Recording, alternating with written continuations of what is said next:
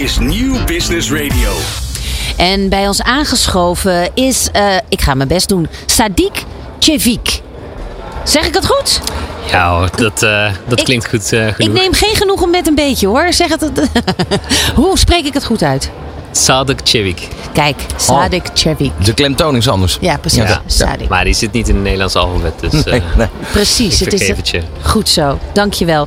Eh je bent CEO van eh, Gorillas Benelux. Je komt eigenlijk net van het podium eh, af. Je hebt net je, je, je talk daar gedaan. Eh, hoe ging het? Ja, goed. Ik denk ehm, ja, altijd wel fijn om iets meer ehm, detail te geven over eh, ons concept zelf. En iets dieper in te gaan over waar Gorillas nou voor staat en wat we proberen te bereiken in de Nederlandse markt. Ja, ik, ik las een eh, slide, namelijk We are not business people building a delivery company. We are delivery people building a business. Wat is het verschil?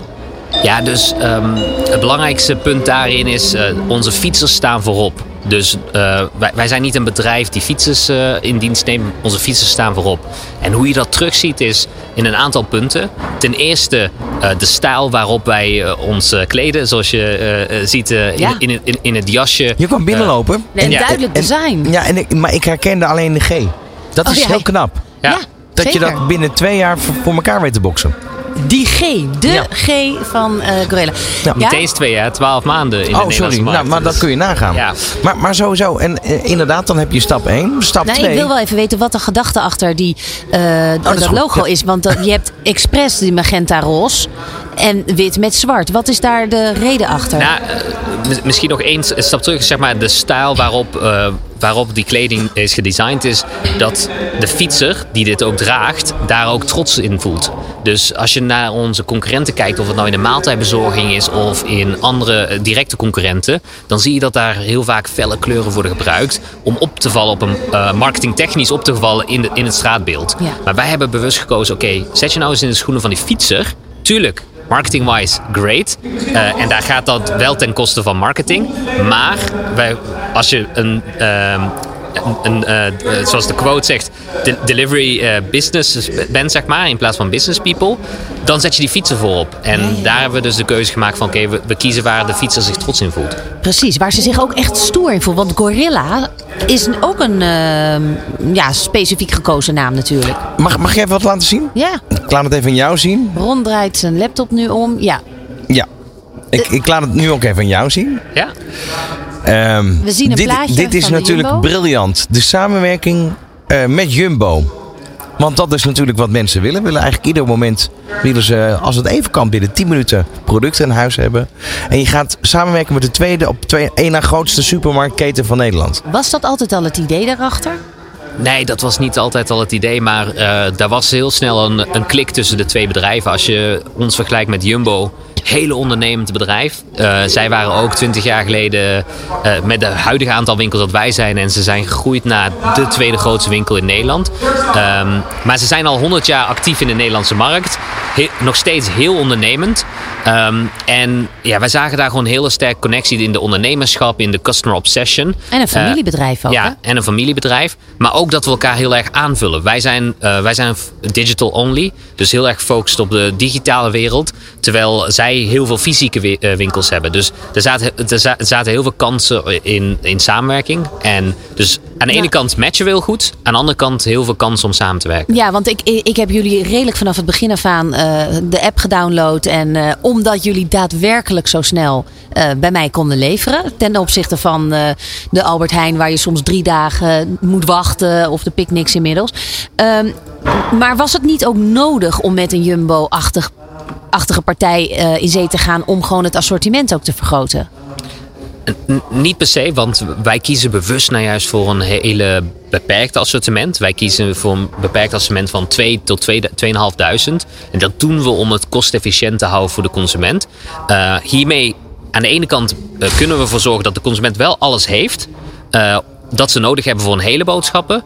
En daar proberen we nog de lokale uh, merken aan toe te voegen. Zodat, ze, zodat we ons ook kunnen onderscheiden. Maar ook die lokale ondernemers kunnen ondersteunen in de, in, in de stad zelf.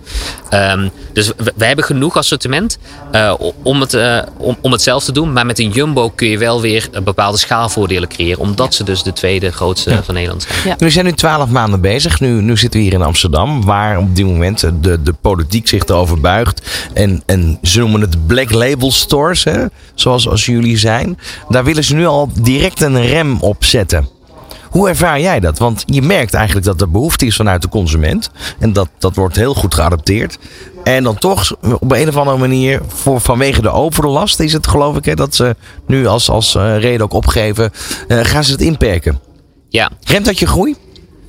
Uiteindelijk, uh, uh, ja, misschien één stap terug. Het is natuurlijk belangrijk om, om te begrijpen wat, wat er allemaal speelt in, in de buurt van zo'n winkel. Um, en wij, dit is niet iets dat nu speelt, maar dat we natuurlijk negen, tien maanden geleden als eerste hebben ervaren. Omdat wij ook de eerste in de Nederlandse markt waren. En we hebben daar gewoon grote stappen genomen, operationeel gezien om die zorgen en de lasten uh, van de buurt weg te halen. Dus we denken dat we daar heel veel progress hebben gemaakt en dat dat heel goed gaat en de goede richting in is. Noem eens een voorbeeld.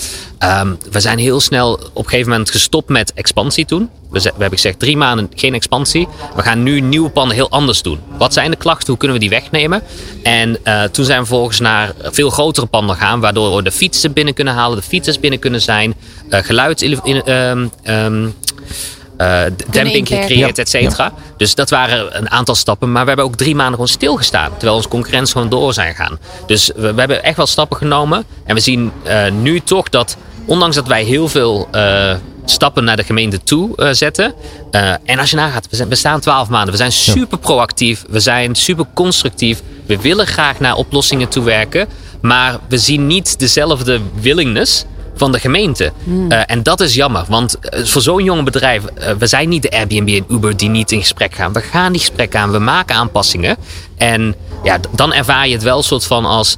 Uh, ja, het is wel voor ons natuurlijk van wa waarom is, is er geen enkele willingness om, uh, ja. is dat dan ook, Is dat dan ook misschien het juiste moment om te kijken, ook ondanks hè, dat het je concurrenten zijn, om daarmee in gesprek te gaan en te kijken of je eenduidige regels kan opstellen en daarmee naar de gemeente te gaan? Je haalt de woorden uit ons mond, maar, maar wij hebben dat toevallig drie weken geleden gedaan. Dus okay, uh, ja. omdat we dus ook wilden zorgen dat uh, iedereen in de industrie aan regels, want je kunt wel alles zelf goed gaan doen, maar als de rest het niet doet, hebben we iedereen elkaar aangesproken en gezegd, dit zijn de minimum set van regels en die hebben we drie weken geleden announced. Dus uh, toevallig uh, uh, hebben we dat al gedaan.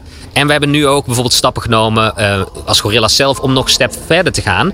Bijvoorbeeld te zeggen, oké, okay, we gaan niet om 12 uur sluiten, maar om 11 uur. Om, om de buurt tegemoet te komen naar aanleiding van gesprekken met de buurt. Ja. Dus we proberen heel veel positiviteit En een overweging op, op, om een ja, dun bevolkt, of noem het een industrieterrein te gaan zitten bijvoorbeeld. Is dat een overweging waard? Nou, ik denk dat het wel heel belangrijk is. Uh, het concept zelf werkt op een duurzame en efficiënte manier, omdat we dicht bij de klant zijn. Um, en natuurlijk, ja, een industrieterrein zorgt ervoor dat dat niet mogelijk is. Het is wel belangrijk om te begrijpen, in de media wordt er een bepaalde beeld geschetst dat wij in woonwijken zitten, maar 90% van de panden zit niet in woonwijken. Het zit in dezelfde locaties als een supermarkt. Ja, het zit in dezelfde locaties als een café. Uh, dus het zijn winkelstraten ja. of uh, ja, gemixt woon-winkel. En um, en, en daarbij is het belangrijk, gelijke monniken, gelijke kappen. Zeg maar, waarom wordt er nou een onderscheid gemaakt? Terwijl in dezelfde week dat wij we, te horen krijgen, wij mogen niet meer in Amsterdam expansie doen. Dat bepaalde supermarkten in diezelfde week beginnen met flitsbezorgen. Dus waarom kunnen zij het wel flitsbezorgen in, met veel meer verkeer ja. in die winkels die al komen van auto's en fietsers? En wat dacht je van een slijterij? Hoeveel lawaai maken die? Zit ook gewoon in de winkelstraat. Ja, dus uh, ik denk dat het belangrijkste is, of een pizza bezorgen, die heeft 10 scooters voor de deur. Dus ik, ik, denk dat het belangrijk is, één, wij nemen elke klacht serieus. Dat is heel belangrijk. Dus wij staan daar proactief en open in. Dat is vanuit ons heel belangrijk. Dat doen we. En het tweede is, oké, okay, maar hoe kunnen we het voor een gelijk speelveld voor ieder ondernemer... Ja, dan zou je bij wijze van spreken ook pizza's moeten gaan verkopen. Nee, helemaal niet. Aan de voorkant, aan de voorkant de snackbar, aan de achterkant ja. de supermarkt. Ja. Dat, dat was, maar zonder dat ik daar nu over dol, Dat was natuurlijk jaren geleden al. Ik weet nog heel goed dat ik, en dan heb ik het over 1998, kwam ik vanuit Brabant naar Amsterdam toe. Wat me opviel was dat hier eh, bij de snackbar, daar verkochten ze niet mijn favoriete viandel. Het menu was wat kleiner, maar ze verkochten wel de zakken chips en de losse flessen cola. En dat was, dat was allemaal niet waar ik vandaan kwam. Nee. Dus daar was het in het klein al aan de gang. Nog even een vraagje over, over Gorilla's überhaupt. Want eh, het komt uit Amerika. Nee, het Ik- komt uit eh, Duitsland. Maar goed, eh, oh, sorry. Ja, maar daar hebben ze wellicht al een wat langere track record met dit soort zaken. Hoe, hoe gaan ze er daarmee om? Ja, dus ehm, we zijn ook in de Amerikaanse markt eh, actief. Ja. Eh, ik denk dat, eh, en we zijn in, in acht Europese landen actief. Ja, je ziet toch dat er een andere aanpak is. Maar ook binnen Nederland, binnen verschillende gemeentes, dat er toch anders naar wordt gekeken. Dus je Hoe ziet dat in Rotterdam en in Den Haag veel anders met het concept omgaat dan hoe, Amsterdam. hoe anders dan? Ja, Rotterdam ehm, eh, die heeft bijvoorbeeld hetzelfde voorbereidingsbesluit zoals Amsterdam. Maar mogen we een vergunning aanvragen? Nu al.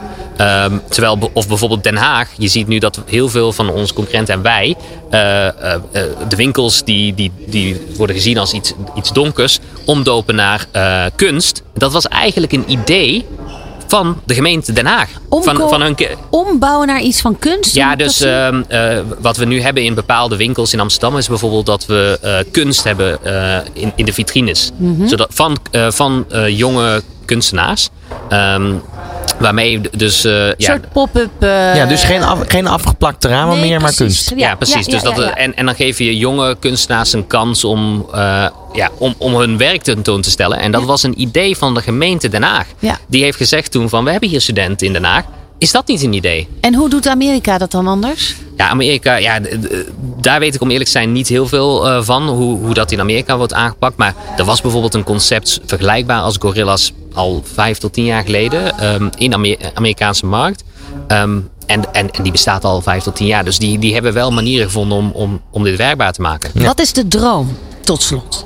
De droom, waar wil je naartoe? Hoe zie je Ik het bedoel, voor je? wij hebben niet alleen vier grote steden, maar er is nog veel meer in Nederland Ja, natuurlijk. hè? precies. Ja, we toch? zijn Ja. al actief in eh, meer dan 16 steden in Nederland. Maar ja, grote droom is natuurlijk om toch een bepaalde eh, eh, impact voor consumenten te creëren. Dus dat wij consumenten een extra optie geven, alle Nederlandse consumenten. Dat ze, wanneer het nodig is voor ze, of het nou een eh, jonge moeder is eh, die eh, luiers nodig heeft, of eh, een jong professional die nog een uurtje moet doorwerken, dat we iedereen een kans geven om, om toch eh, flexibel boodschappen thuis te ontvangen. Kijk, dat is, een, dat is een hele mooie droom. Absoluut. En wij wensen je daar super veel, heel veel succes mee ook. Ja, dankjewel. Van hippe start-up tot ijzersterke multinational. Iedereen praat mee. Dit is New Business Radio.